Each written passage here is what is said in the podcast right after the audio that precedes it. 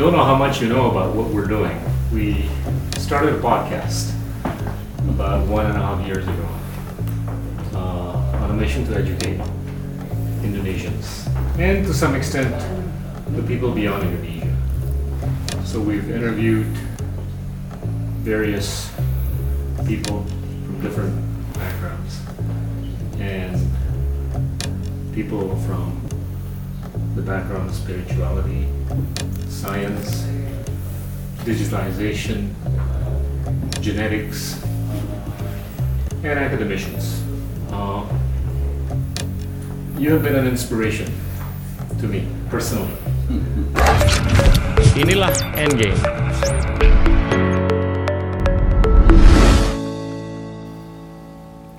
Halo teman-teman, hari ini kita kedatangan Tun Mahathir Muhammad, mantan Perdana Menteri Malaysia yang sempat memimpin Malaysia dua kali. Yang pertama selama 22 tahun sampai tahun 2003 dan yang kedua hampir dua tahun dari tahun 2018 sampai tahun 2020. Tun Mahathir, it's it's a pleasure and an honor for you to be here and for me to be able to speak to you. It's my pleasure also. I want to ask you a lot of questions, but let me begin by asking how you grew up, more in the context of how you made a decision first to become a doctor and how you switched over to politics. well, it's the reverse actually. I wanted to be a politician. I was in school, I was already involved in politics. But I find I found that uh, people don't take me seriously because I was a schoolboy, and I thought that I need to have something to uh, give me some credibility, and I thought that uh, getting a university degree would help that. Right. So I, I wanted to study law, but uh, they gave me a scholarship to study medicine. That's all right, uh, because it's still about getting a university degree. And when I came back from um, studying, I was more, uh, more easily accepted for what I had to say. So it is a politician who chose to be a doctor, not a doctor who chose to be a, a politician. But you stayed on as a doctor for quite I a long stayed time. on, yes, uh, while waiting to have a role, bigger role in politics. I was still involved in local politics, but uh, I had to make some money for myself. So I worked with the government for a few years, and then I decided to go into private practice. Right. And uh, th- that gives me a lot of free time and no regulation from the government stopping me from being involved in politics. Okay. And was it a calling to change the nation as for you to finally make that decision to go into politics? Yeah, in, you know, Mal- Malaysia is a multiracial country. Okay. I was disappointed to find that uh, my people, Malays, were not involved in business. Okay. They were, they just want to uh, earn a living through, well, being employed and getting a salary at the end of the month, a pension when they retire. They look for the easy way out. But they have to do business, and I was very disappointed that um, the town of Alor Star, where I came from, uh, the business people were almost entirely Chinese and some Indians, not no Malays. Right. So I wanted to change that. You, you've, I've read all your books Malay Dilemma, Doctor in the House, Capturing Hope. The, there's a set of recurring themes, Yeah. and, and one of which is, of course, what, what it means to be a Malay, right? And, and you've shared your views about how the Malays could actually be better, hmm. and, and how that basically relates to how they could be better educated. Hmm. Talk a little bit about that. This country had always been known as Malay land, Yeah. Tanah Melayu. Right. And I felt that uh, while we are willing to share with other people, migrants, but we should have our fair share of the wealth of this country, the opportunities in this country.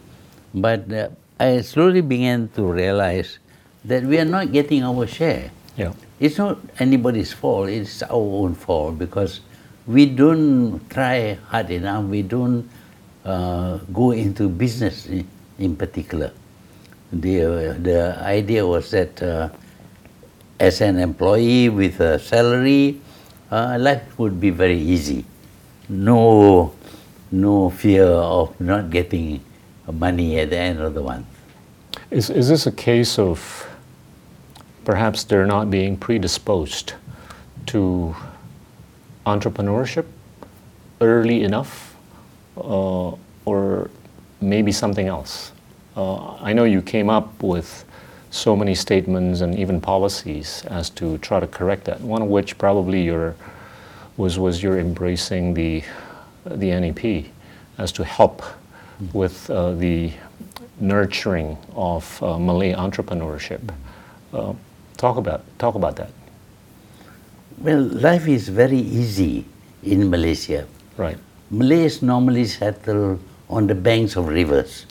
They can get fish from the river. They can travel with uh, canoes in the river, and behind their house they could grow some rice and maybe uh, have some cattle.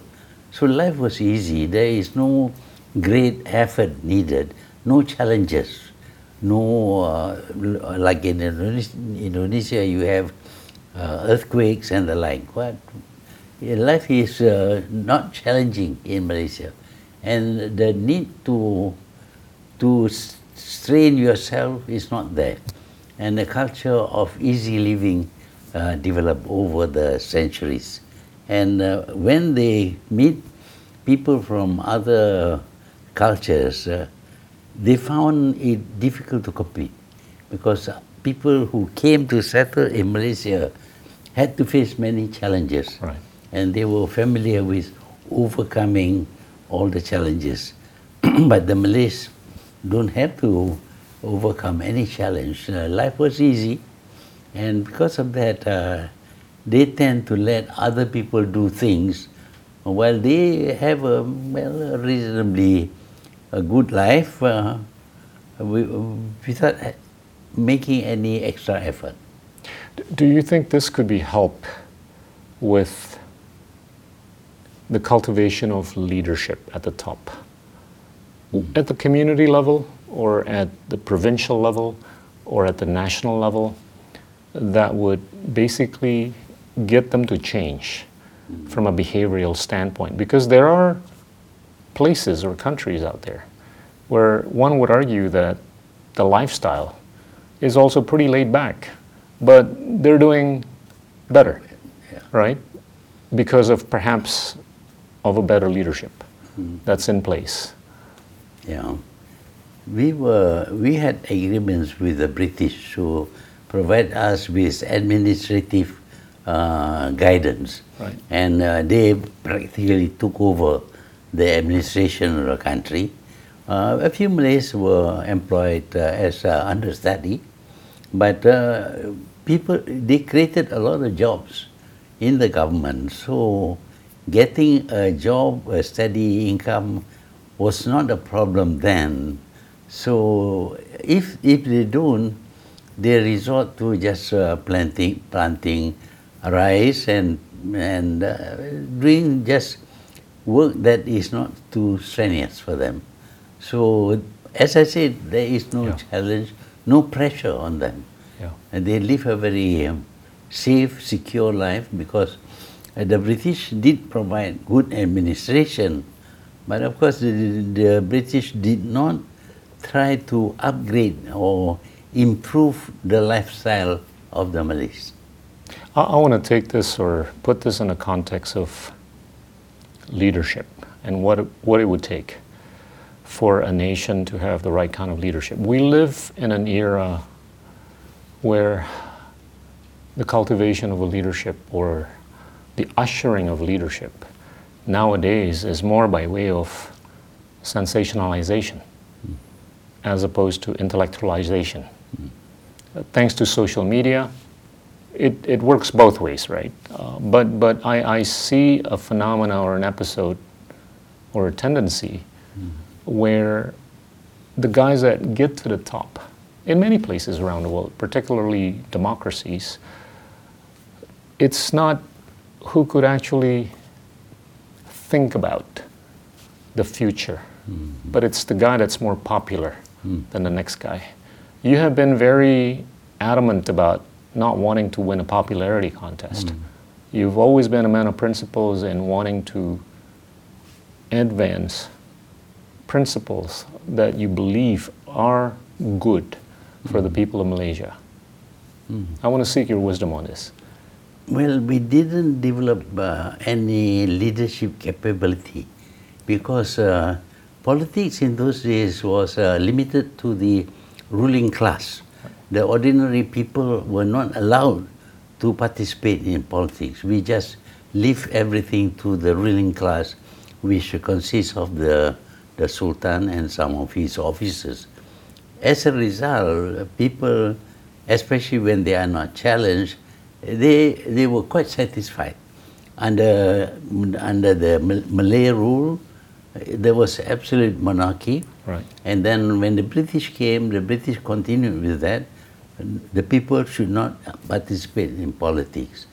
And there was no challenge, as I said, until the British decided that instead of just advising the Malay states, they decided that they should take over the whole country and run it by themselves, like a colony. Right. Uh, at that stage, the people became agitated, especially when the rulers were weak and they decided to hand over the, their states to the British. And the people at that time decided that they would protest. And then that time they had developed leadership, uh, leaders from among themselves, of which uh, one of the most prominent was Dato' Onn, Right. and then later on, of course, to Tunku Abdul Rahman. But Right. because of the challenge of the possibility of British taking over the country, uh, then they became uh, concerned about the future of the country, and they went into politics uh, merely to protect their country. Okay, fast fast forward to today. You've you're a lot older than I am, so you've seen many more events and phenomena. But how do you see democracies as they are today, and how do you see them needing to evolve going forward?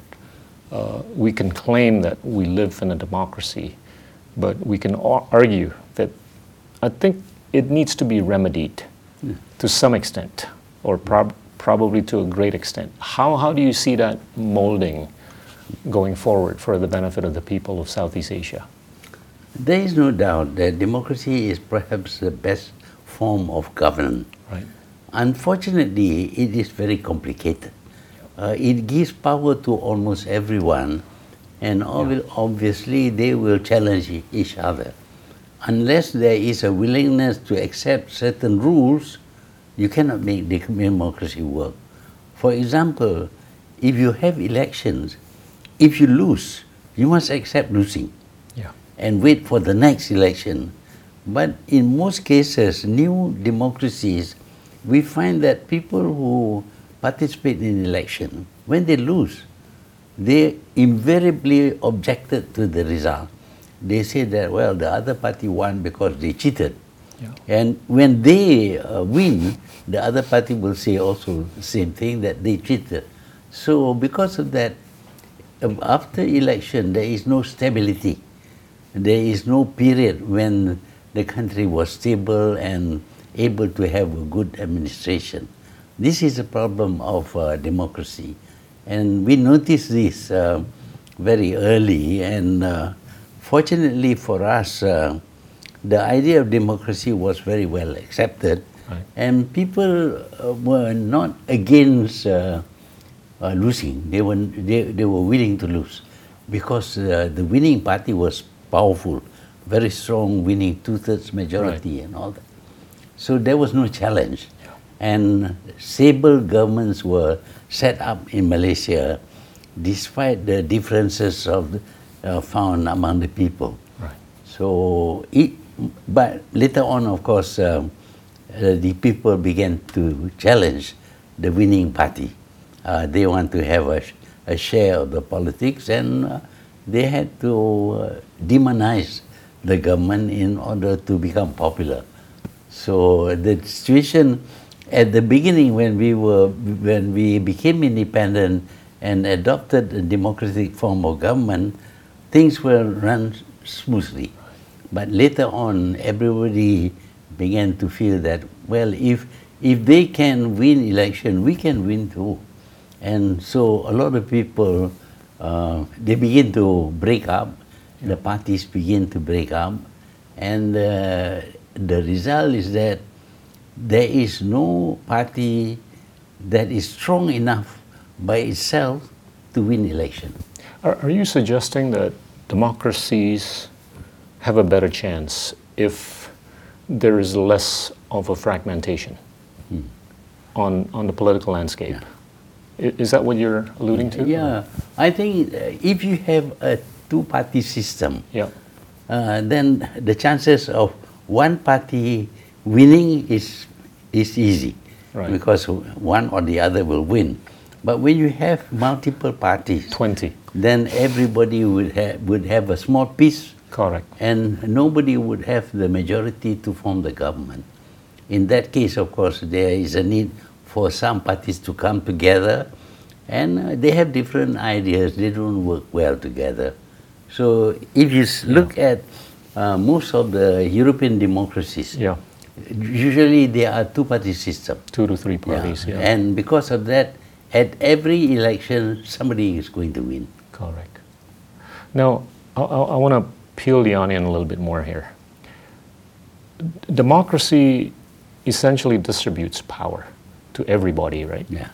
And, and you go with the presupposition or presumption that everybody is well informed, hmm. everybody is competent. Hmm. But there are many countries around the world where not everybody is well informed, hmm. not everybody is, is as competent as the others. That kind of skews, right? How democracies would function. Would, would that be the right way to look at it? Or? Well, the assumption is that uh, people will choose the best people to form the government. That's the assumption. But there are other factors which uh, inf- influence the thinking of the people. Yep. For example, if there are different races, different tribes, or different ideologies, they do not choose the best, but they choose people who they be- believe in their their particular uh, concern. For example, if it is tribal, uh, they pick the people from the same tribe Right. or race or maybe ideology, and they break up into many parties.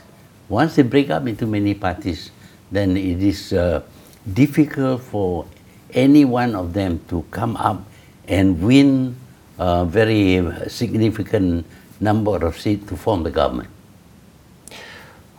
I, I want to drill down on this a little bit more.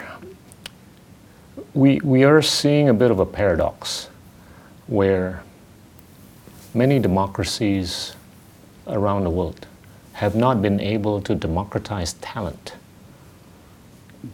Democratize talent, selecting talent based on merit.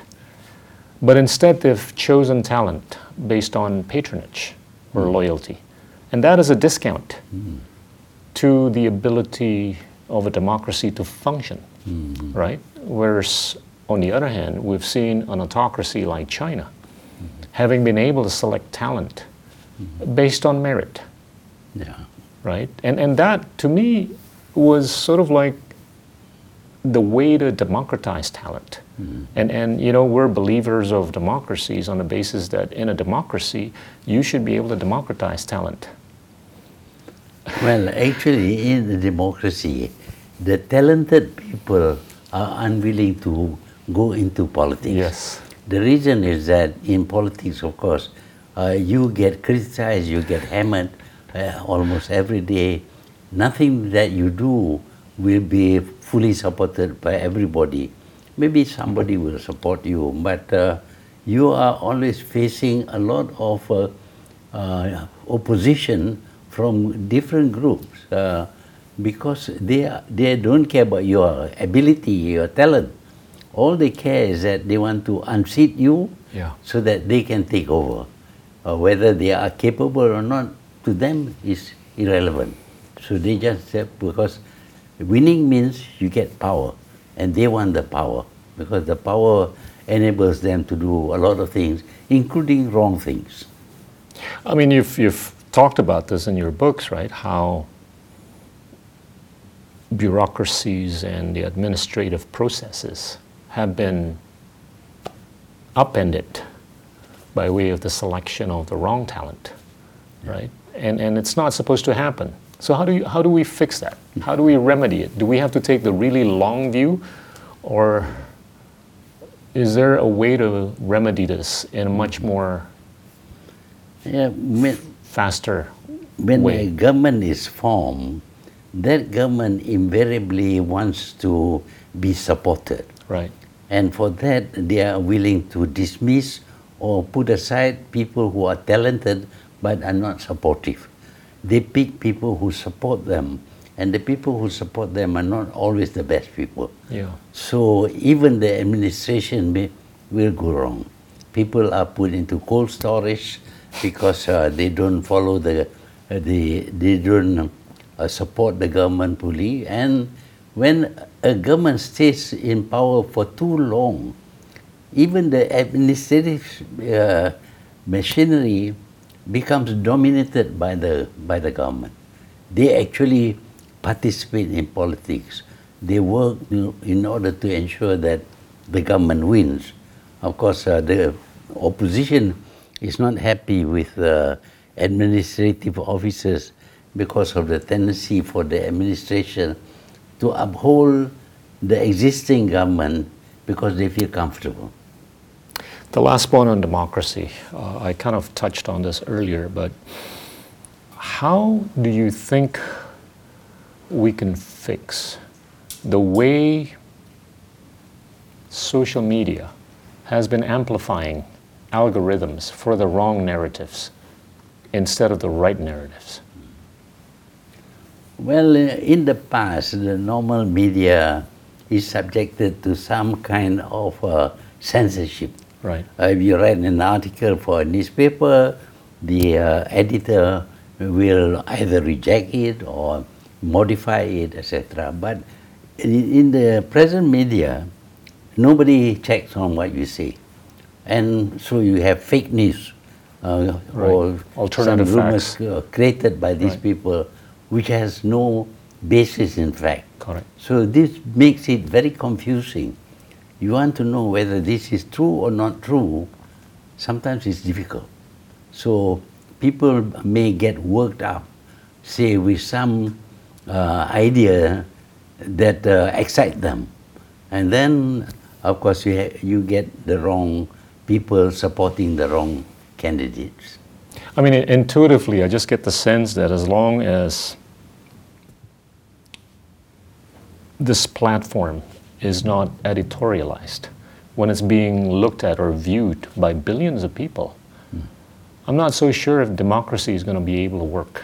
Whereas a typical newspaper, which is read by maybe a few hundred thousand people or a couple of millions maybe, it's properly editorialized. So th- there is there is an imbalance here in, in terms of what we're trying to achieve on the democratic front, but what we're still failing to do on the media front. Well, when the idea of democracy was first mooted, there was no social media.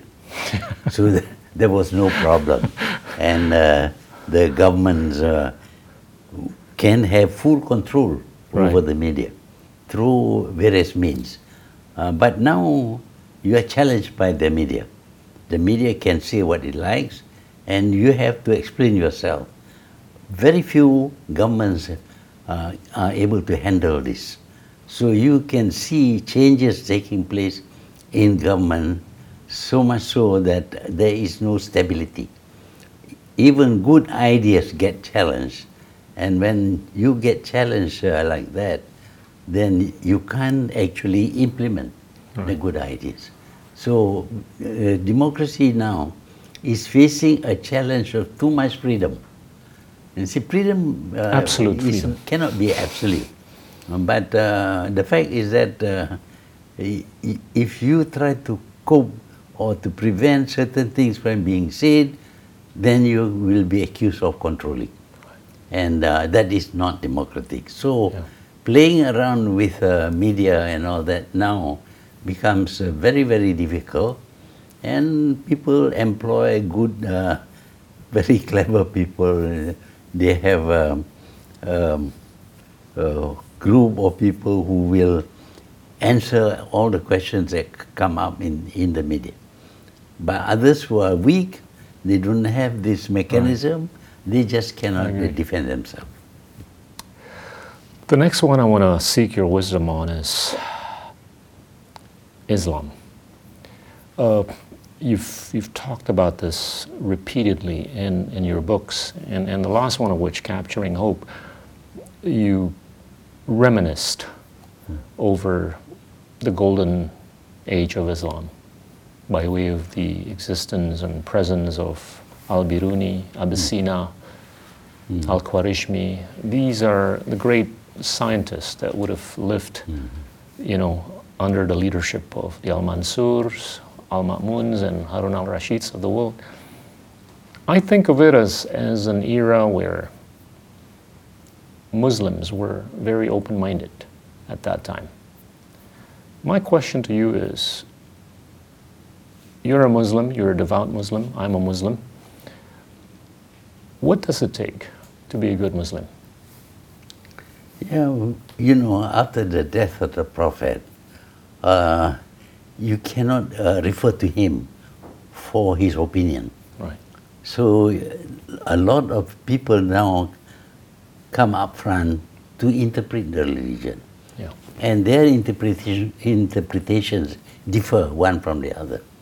So the, the Muslim broke into groups, following this teaching, that teaching, this teaching, to the point where they consider certain groups as not being Muslim, not being Islamic enough. So but over the years, the centuries, the number of new uh, thinking, new ideas and all that is numerous Right. thousands of different interpretations, and it's all very confusing. And the people who interpret insist that they are the right people to interpret. Other people cannot. For example, they say that if you want to read the Quran, you must have uh, a teacher with you to make sure that you interpret correctly. Right. But uh, I, I had to face um, an Islamic party here. And they keep on quoting from the Quran and the Hadith and all that. So I wondered whether they were doing things correctly or not. I read, I finished my Quran reading at the age of 12. I finished the whole uh, Quran already. But uh, I did not understand the message of the Quran because Yeah. I didn't understand Arabic. So I had to read the Quran in Malay and in English. I made comparison between the different translations. And I found immediately that what they are saying about Islam is not true. It's not what is in the Quran. In fact, they are saying things which are opposite to what the Quran teaches. Then I begin to question whether they are making the right interpretations or not by comparing it with the message from the Quran. Very simple. For example, the Quran says all Muslims are brothers, but we are not treating each other as brothers. Then in the Quran it says that a Muslim cannot kill. Whether he is a Muslim or non-Muslim, you cannot kill. That means you are killing the whole of humanity and, and many, many other uh, teachings of Islam are not being followed. Right. So I felt that the reason why we fail is because we don't actually practice what the, the religion is telling us to do. Right. You know, Islam has the way of life, Right. ad-din, way of life, and we are not following the way of Islam, the way of life of Islam. And therefore we make a lot of mistakes, and we uh, we are seeing a decline of the Muslim Right. Ummah. You see? Right. So if you go back to the Quran, it, there is less uh, possibility of you are differing from each other Yeah. because there is only one Quran. Unlike the Christian Bible, which uh, we have many uh, versions, but the Quran you have only, only one Quran, and what it teaches there is the message from God, from Allah. So this is the the, uh, the the message that created Islam. So when you read it, you find that all the advice, all the guidance given there are very positive and good for you. Uh, but we don't follow. Uh, even most Muslims don't follow. For example, you, you shouldn't be fighting each other, but Right. they're doing that. You're killing people. And the Quran stresses when you judge, judge with justice. But we don't.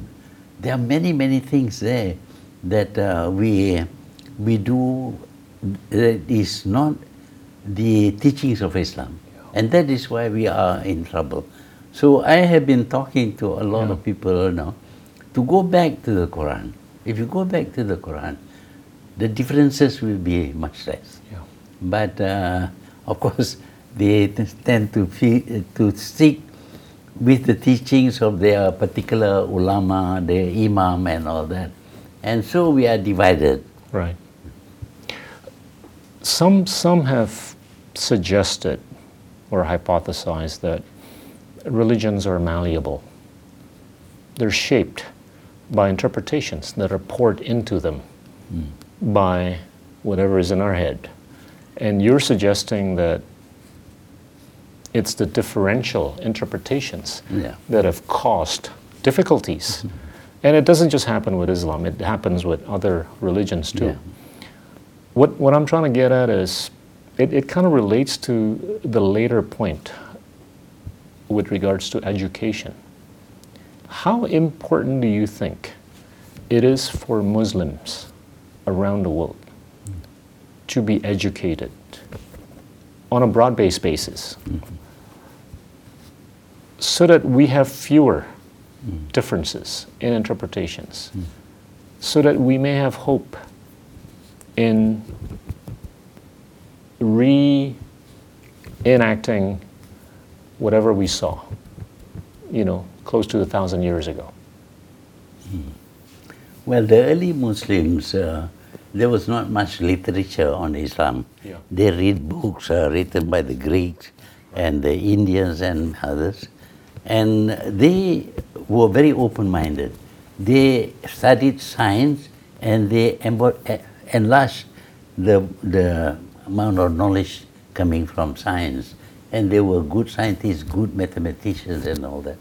Until a period in the 15th century, Right. when an ulama came along who said that there is no merit in learning anything other than religion. Right. Hamid You Al only- Ghazali. Uh, if you re- read uh, science, there's nothing for you in the afterlife. Right. But you must study religion. And then we find that the Muslim, uh, the intel, intell- intellectuals switch away from science and mathematics and all that to study religion. And when they study religion, Yeah. they have different interpretations Right. and they break up the Muslim, the Muslim uh, Ummah. But uh, actually, if you read the Quran, the Quran actually urges you to read, and it doesn't specify what to read. Yeah. It just say Iqra, read, Right. and you can read whatever because at the time when that message, the first message given to Muhammad was Iqra, there was no literature on on Islam. Right.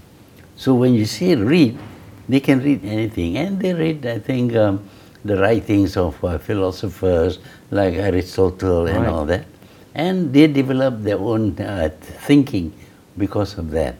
But now, when they started saying that only reading about religion is uh, will gain you merit, uh, then of course we cut ourselves off from knowledge, and as a result, we cannot fulfill the teachings of the Quran. For example, the Quran says you must be prepared to defend the Muslim. Was in the days of the Prophet, you need to have bows and arrows and Yeah. and uh, lances and all that. But today, I mean, bows and arrows and war horses not going to help you. You need to have fighter planes. You need to have tanks and, and the like.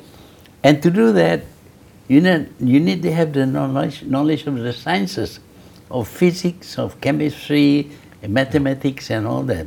But you have lost that knowledge. So now we are dependent on our own uh, defense on uh, others. We have to buy weapons from them. Right. We cannot make our own weapons. So we are actually diverting or going away from the teachings of the Quran Right. because of this interpretation. Right.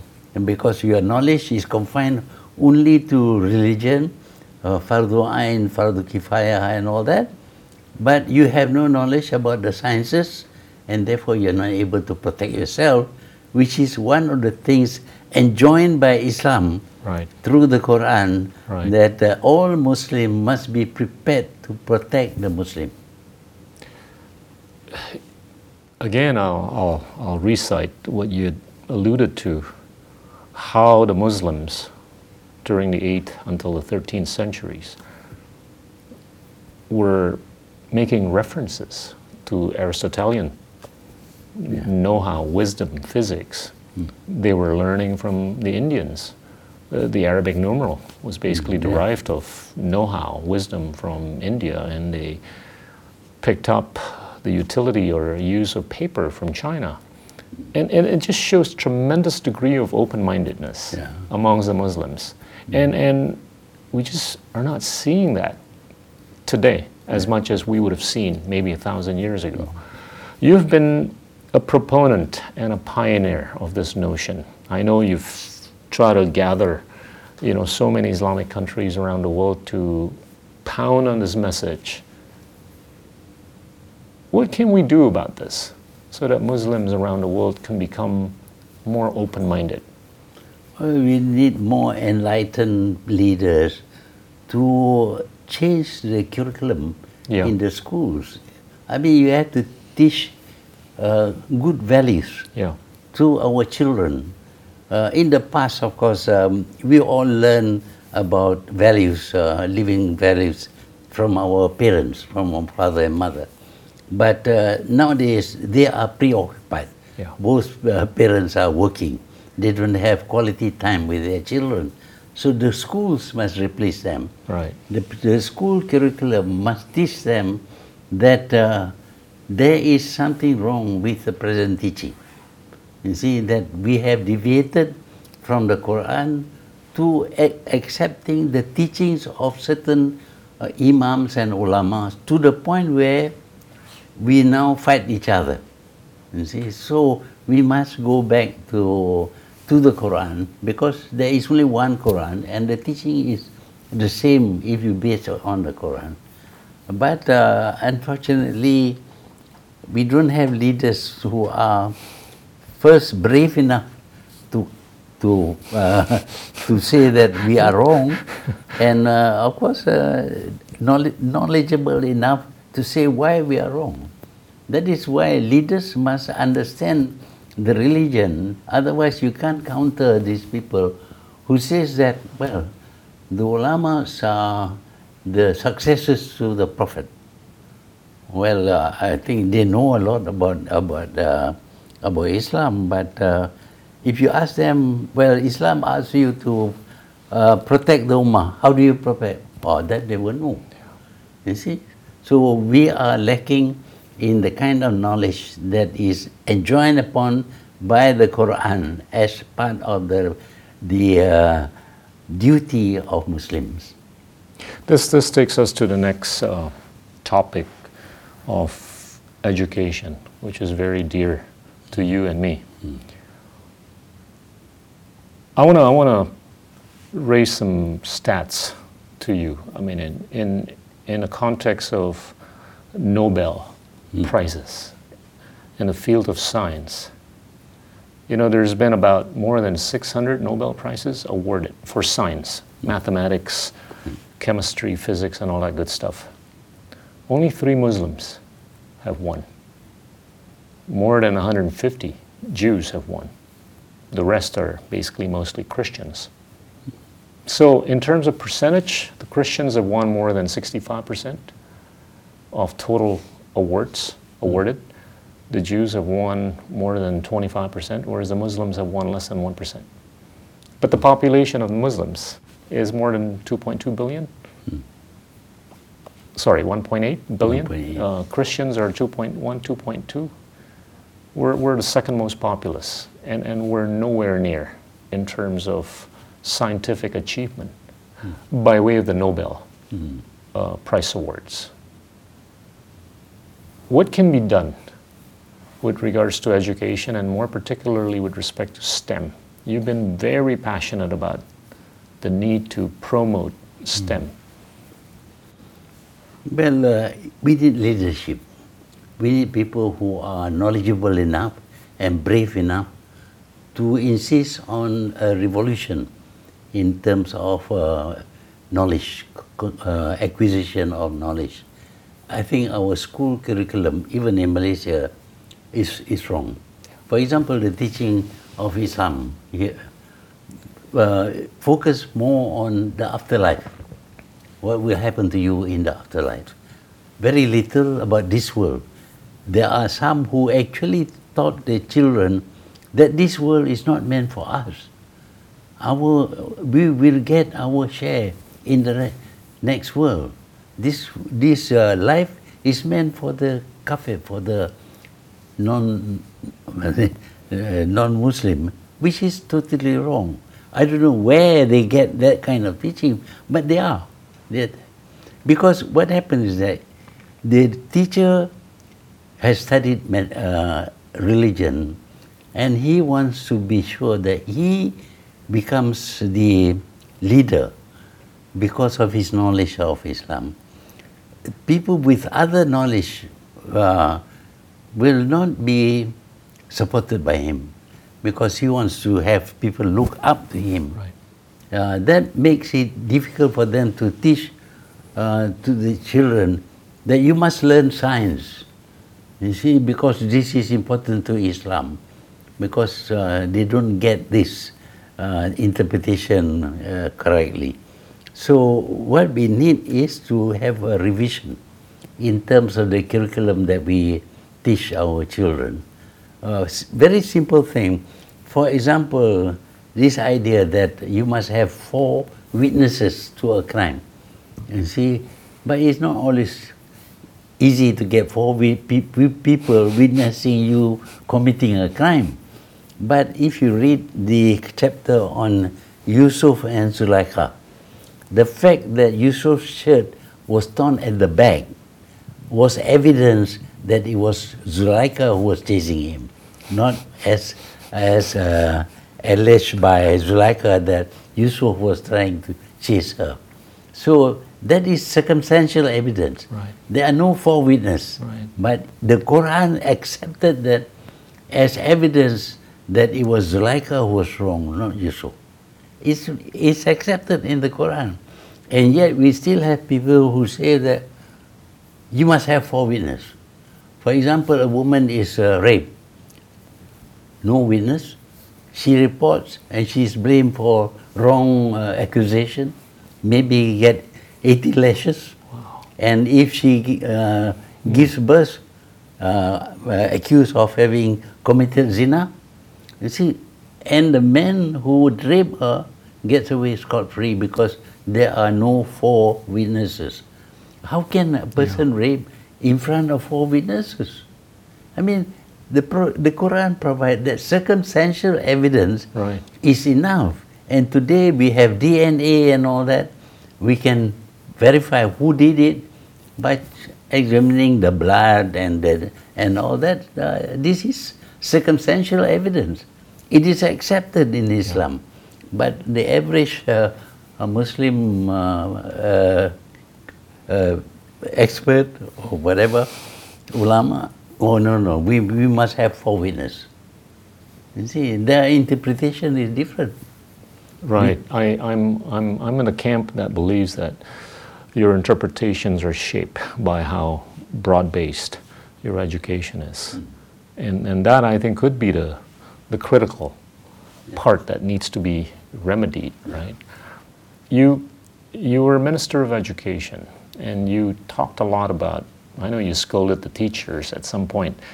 And I've, I've been following this, uh, you know, from you in the sense that there's this statistic where if you're a good teacher, you can create a real good impact as opposed to if you're not a good teacher. If you're in the top 20th percentile, mm-hmm. you can actually teach mm-hmm. in one year, one and a half years of teaching. Mm. But if you're in the bottom 20th percentile, in one year you can teach only half a year's worth of teaching. I hate to say this, in many parts of the world, there, the, too many of those in the bottom 20th percentile are teaching, mm-hmm. right? Is, is that something that you believe is realistically fixable? Yes, I think so.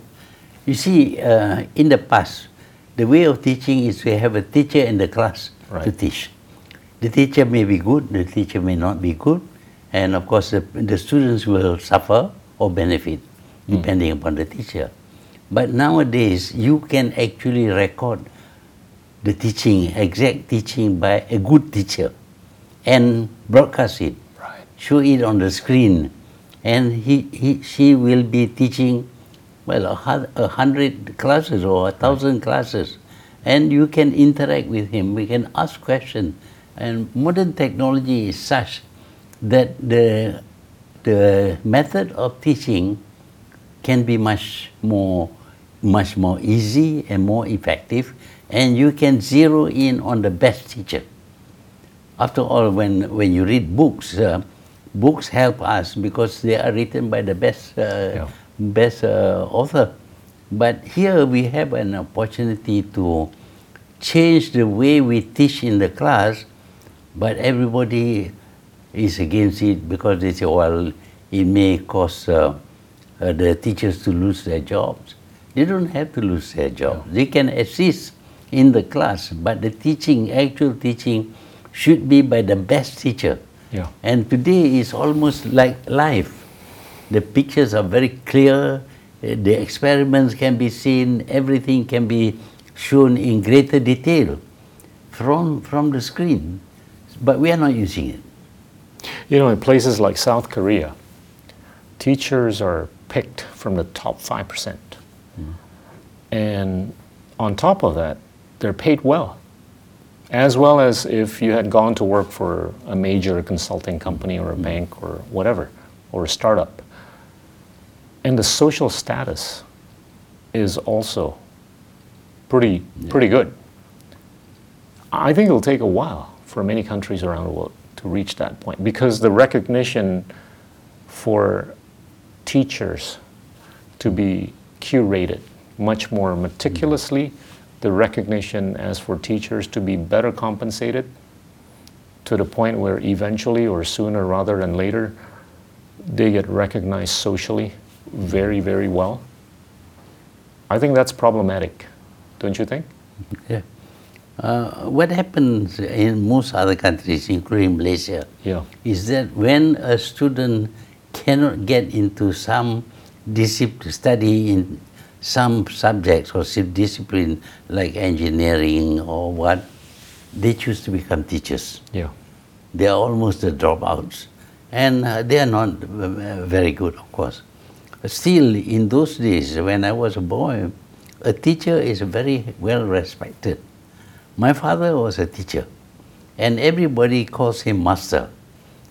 I mean, he has a certain aura about him.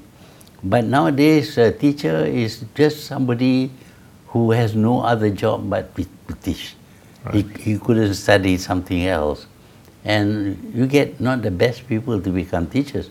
Now, if Korea uh, gives a better treatment for teachers, that is a good thing. But then uh, you need a lot of teachers. And to find them is not easy. For example, a lot of people want to study English, and we don't have enough people to, to teach English because English is not uh, as well uh, used today as before. So you try to your best. You get some teachers who are not very good, and as a result, the students suffer. Mm, So I, I believe that if we adopt modern technology, we'll do better. I want to switch over to family matters. How has the role of your wife been all this time? While you were a doctor, while you were a politician, and now you're back out of politics. Yeah. Well, uh, she's very tolerant. I don't spend much time with the family. Right. I spend more time, uh, even as a doctor, a private doctor, I spend a lot of time outside. I get calls at night and all that. She's tolerant and doesn't get in the way of my career. So, well, I think she backs me. So I, I don't have that any problem on that score. This morning I, I had a chat with your daughter. I asked her casually what it was like to be the daughter of Tun Mahathir. I'm going to flip the question. What, what is it like to be the father of your children? yeah, my my daughters sometimes hold opinions which are con- not the same as the father, Right. and she's very critical, and she joins. Uh, sometimes she joins with the opposition party. I mean, not not actually becoming a member, Right. but he is very close to them, and he voiced their their their ideas also. Uh, but I felt that okay, I have to tolerate that. And uh, in the end, of course, she supports me. If I campaign for an election, she would go along. But uh, it doesn't mean that she agrees with me all the time. What, what is it that you do that keeps you look and feel a lot younger than your age? I really don't know. Actually, I mean, I've read what you wrote, but I'm just curious. Now that I'm with you in person, I just wanted to find out. Mm-hmm. I, I, I think being interested in doing things in life itself, Right. I think keeps you, maybe it keeps you young. But if you lose interest in your surroundings, you age. You, you, you feel that, well, life is not worthwhile and things like that. But if you're doing something that uh, will give you satisfaction in the end, if you achieve, I think uh, you feel uh, much more spirited, much more willing to take, take uh, chances and things like that. But I think the most important thing is uh, the best payment is actually the success of your ideas. Right. I, I want to I wanna end this discussion on politics. You ran the country for 22 years, and you've, you've showed us some really good things, mm. right? At least to me, Yeah. right? And you've, you've taken Malaysia from one place to another that's completely different, in a good way. In hindsight, what is it that you could have done differently during those 22 year period? well, uh, I thi- I- one of the things that is necessary in a leader is to have ideas and to have solutions to problems. Uh, it's not just about uh, naming the target, but to know how to reach the target. If you tell them to do to carry out a certain policy, you must know how that policy can be carried out. So doing all this keeps me going, or keeps me alive almost. But um, the, one, what happens is that some people think that, uh, well, if you get a certain position, that is an achievement. But getting into a position doesn't give you, doesn't make you achieve things. Maybe it will in some cases, but a leader must be able to see more than his followers. The followers have got po- problem, Right. and they pose a problem to you. You have to solve the problem. You see, when Malaysia became independent, we were a very poor country, very poor. We were basically agricultural. Right. We wanted to become industrialized, but we had no capital, no knowledge of the technology, no un- understanding of um, management of big business, and no knowledge of the market. So how can we become industrialized? The answer was, okay, we open the country for others to come in and start some industries. That was the beginning of the foreign direct investment. Uh, Malaysia was uh, different from quite a lot of other countries which became independent. Most countries which were colonized before did not want to see the colonial masters come back or even people close to the colonial masters. But we went the other way. We invited them to come back. Uh, they and their people come back. The British came back, the, uh, the Japanese, of course, and uh, because we want their contribution. Uh, that is a solution which uh, most people reject because oh, we must do things on our own. We are independent now, therefore we cannot have other people tell us what to do. But we have to learn. We have to learn from successful people. So in Malaysia, we decided on looking east, looking at Japan, later on looking at Korea and China and all that. And we gain from their experience. Yeah.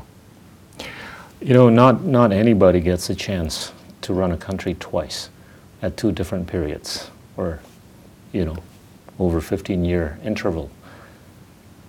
I, I want to ask you the last question. It was, it was different this time.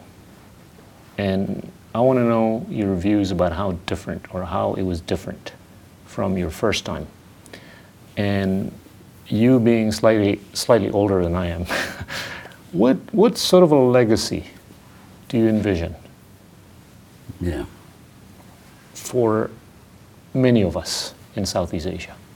Yeah. It's important to identify priorities. There are lots of things that you can do, lot, lots of things that you want to do, but some of them cannot get the support that is needed. So in the case of, in my case, for example, I identified only one objective, to change the government, to remove the prime minister. And in this, I had the support of even the opposition. So I had to work with the opposition, people who used to call me a dictator and all kinds of things. Who resigned? Yeah. but they decided that I should be their candidate for prime ministership. It's not my, my uh, attempt to come back as a prime minister. But they realized that uh, in this multiracial country, the support of the Malays is very important if they are going to win election. They have tried to, in several elections, they failed. They need some Malay support, and I represented Malay support. So they accepted me as part of their coalition. At the same time, they appointed me as their leader. This is the man whom they used to condemn before, but now they accepted me as their leader. And uh, sure enough, because of me, perhaps, uh, we get the, the kind of Malay support that uh, give uh, victory to the opposition. Tun Mahathir, thank you so much for the time and honor. Welcome.